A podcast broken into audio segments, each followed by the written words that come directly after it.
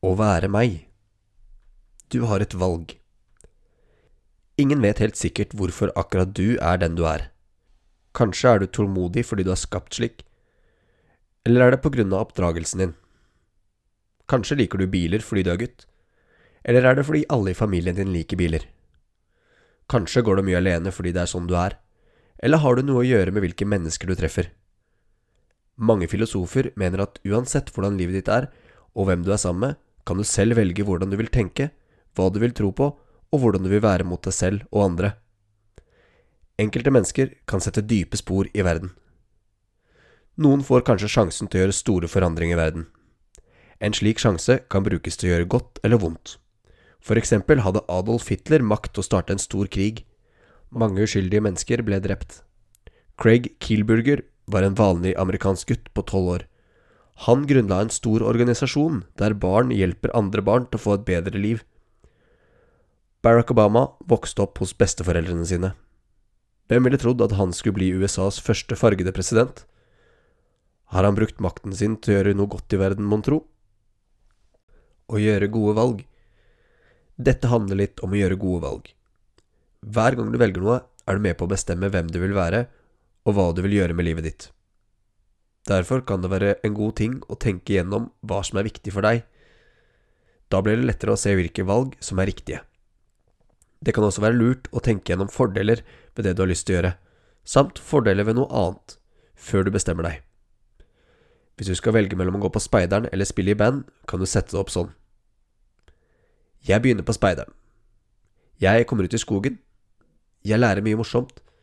Jeg får være med på leir. Jeg slipper å øve så mye. Jeg begynner å spille band. Jeg får mitt eget instrument. Det er morsomt å få til å spille. Jeg kan opptre for andre. Kanskje jeg blir musiker. Har du noen gang måttet velge mellom to ting du har lyst til å gjøre? Familien. Vi er en del av familien vår. Familien har mye å si for hvem vi er. Vi spør oss selv hvem vi har arma utseendet og evnene våre fra, og vil helst være stolte av foreldrene våre. Derfor er det viktig for oss at foreldrene våre oppfører seg bra. Likedan er det viktig for foreldrene våre at vi oppfører oss på en god måte, mot andre og mot oss selv. Det er mange typer familier. Noen familier er store med mange barn. Kanskje lever også flere generasjoner sammen, både besteforeldre, foreldre og barn. Mange eldre mennesker bor likevel enten alene eller på et sykehjem. Andre familier er små, med én eller to foreldre og ett eller to barn. Kanskje har det vært en stor familie som ble delt fordi de voksne ikke klarte å leve sammen. I noen familier har foreldrene både barn fra før og barn sammen. Som oftest er det mann og kvinne som stifter familie, men det kan også være to kvinner eller to menn. Det er også mange barn som ikke kan bo sammen med foreldrene sine. Kanskje trenger de å komme litt bort fra hjemmet sitt, eksempel til et fosterhjem hvis foreldrene er døde, kan barna bli adoptert og få nye hjem. I familier lærer man å leve sammen. Det er i familien at barna får sin første oppdragelse. Foreldrene prøver å vise barna hva som er verdifullt og godt i livet, forskjellen på rett og galt, og hvordan de bør oppføre seg sammen med andre mennesker. Barna lærer å ta hensyn til andre og dele med dem, og ta ansvar for seg selv og andre, og hvordan de kan få venner, og hvordan de kan bli venner igjen hvis de krangler. Familien 2 I familien har vi forskjellige oppgaver. I Norge har vi likestilling. Det betyr at kvinner og menn skal ha samme muligheter, retter og plikter, både i hjemmet og i samfunnet. Slik har det ikke alltid vært, og fortsatt tjener menn ofte mer enn kvinner i dag, mens kvinner ofte gjør mest i hjemmet.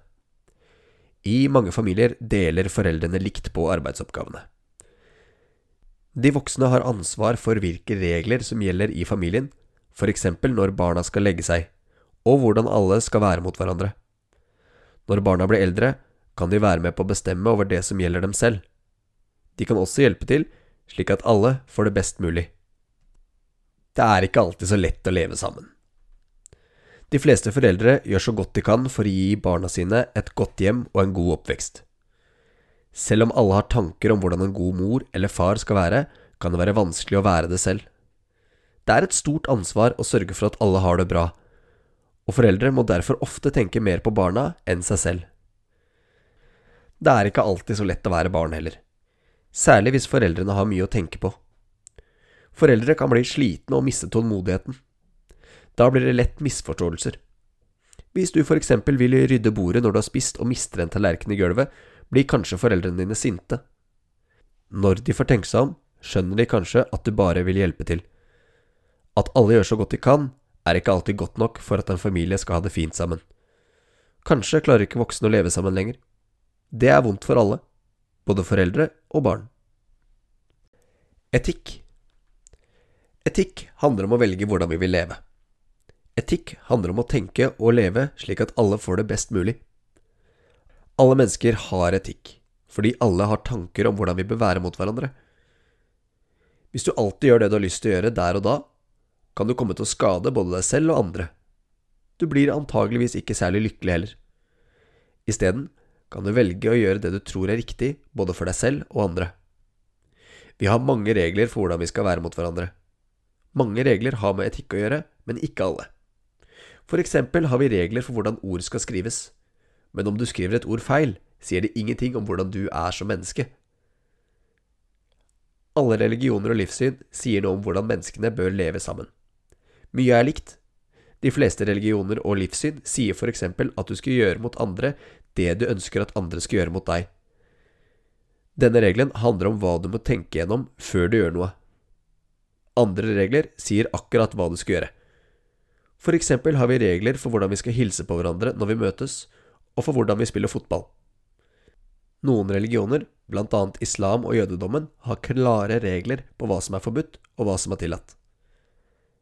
Det finnes mange grunner til å være snill. Kanskje ønsker man å være snill fordi det kjennes godt.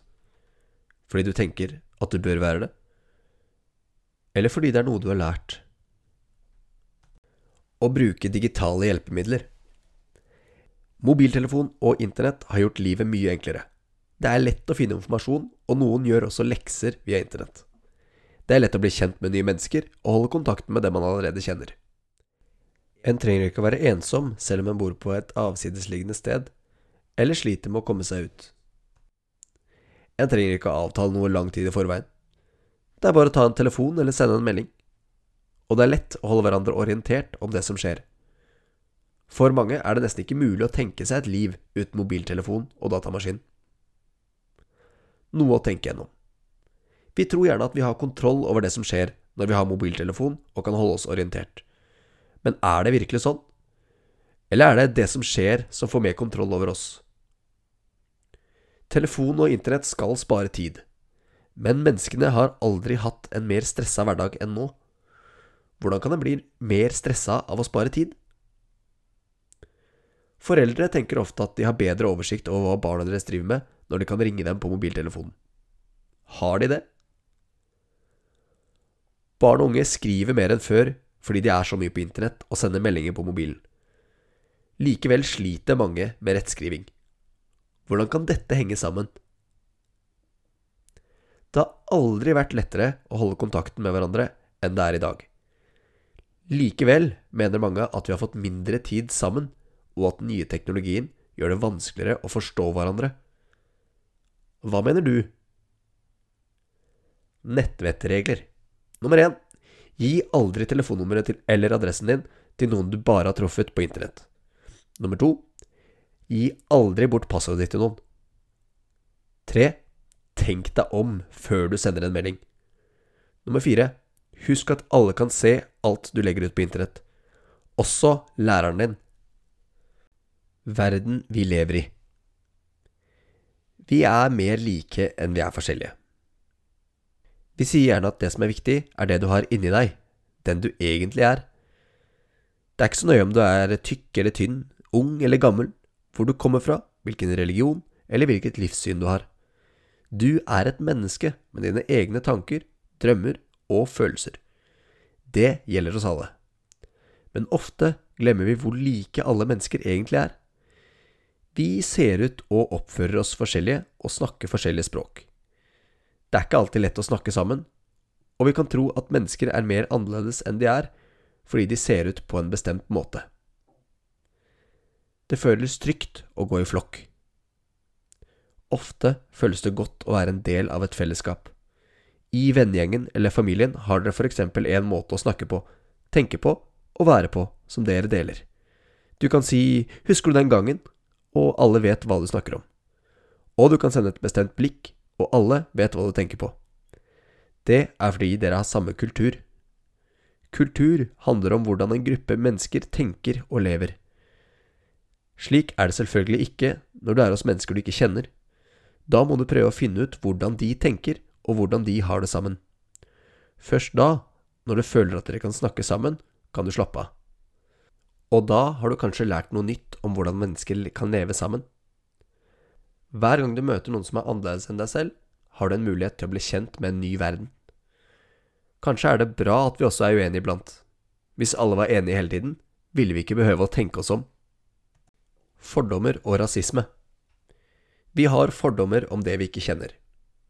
Hvis du har truffet noen rike mennesker som virker overlegne, er det lett å tenke at alle rike mennesker er overlegne. Dette er eksempel på en fordom. Du har en fordom når du tror du vet mye om noen du ikke kjenner, ut ifra hvilken gruppe de tilhører, f.eks. gruppen rike mennesker og gruppen italienere, eller gruppen muslimer. En fordom kan være noe positivt eller negativt. Men det er aldri slik at alle som tilhører en gruppe, er like. Det er heller ikke alltid klart hvilke grupper en tilhører. Tilhører f.eks. en tolvåring gruppen barn eller gruppen ungdom? Fordommer kan skape dårlige mønstre. Hvis du er redd for ungdommer, prøver du kanskje å unngå dem. Da blir kanskje ikke ungdommene hyggelige mot deg heller, og kanskje vil du tenke at du hadde rett. Men kan det være at du tar feil likevel? Det finnes ikke menneskeraser, men det finnes rasisme. Tidligere tenkte mange at det fantes forskjellige menneskeraser, slik det finnes hunderaser og hesteraser. De tenkte også at noen raser var bedre enn andre, f.eks. at hvite mennesker var bedre og mer intelligente enn mennesker med en annen hudfarge. Mange mente derfor at det var riktig at hvite mennesker brukte andre mennesker som slaver. I Norge har denne måten å tenke på gjort at vi har diskriminert bl.a. samene og romfolk eller sigøynere. Det å mene at mennesker fra et bestemt sted eller en bestemt kultur er dårligere enn andre mennesker, kaller vi rasisme.